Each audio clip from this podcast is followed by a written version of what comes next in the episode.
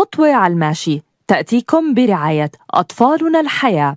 خدمات ومشاريع نوعية وملائمة لأهالينا المقدسيين وأطفالهم في جيل الطفولة المبكرة. نقدمها لكم من خلال قسم الطفولة المبكرة وصفحة أطفالنا الحياة على مواقع التواصل الاجتماعي.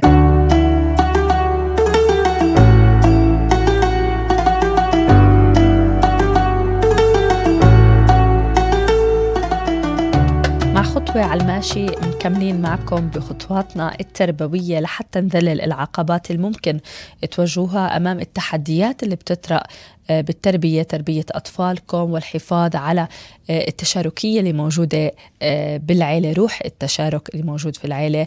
وصلنا للحلقة 17 والسؤال 17 بيقول كيف يمكن التعامل مع الغيرة التي تنشأ بين الإخوة خاصة وتجنب زيادتها في الشهر الفضيل؟ القوانين أو الشروط يلي ممكن تساعد الأهالي إنه هن يخلقوا علاقات جيدة وجميلة بين الأخوة ويتغلبوا على الغيرة.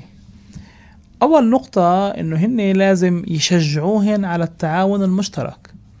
عارف ليش مرات بتصير في غيرة؟ لأنه إحنا بالأساس كأهل إيه، بنكون كتير أصلا مركزين إيه، على العلاقات الغير جيدة بينهن يعني على توبيخهن لبعض على خطفن الألعاب لبعض ولكن ولا مرة بنتذكر نقولهن عم تلعبوا مع بعض عم بتشاركوا بعض عم بتكونوا مع بعض وهذا إشي كتير رائع. فلذلك إذا أنا ببدأ إيه، أشجعهن على أنهم بيساعدوا الواحد في الآخر إيه، إذا هن كمان مثلا ننفعل إنه ما أحلاكوا عم تلعبوا مع بعض عم بتساعدوا بعض. يعني مثلا نخلق وضعيات في البيت إيه، ما بعرف إذا في حتى أنا مثلا طاولات صغيرة واولادك صغار وبدكم تفطروا اليوم شفتين حملوا مع بعض الطاولة وجابوها ما احلاكم كيف بتساعدوا بعض ما احلاكم كيف بتضبوا مع بعض.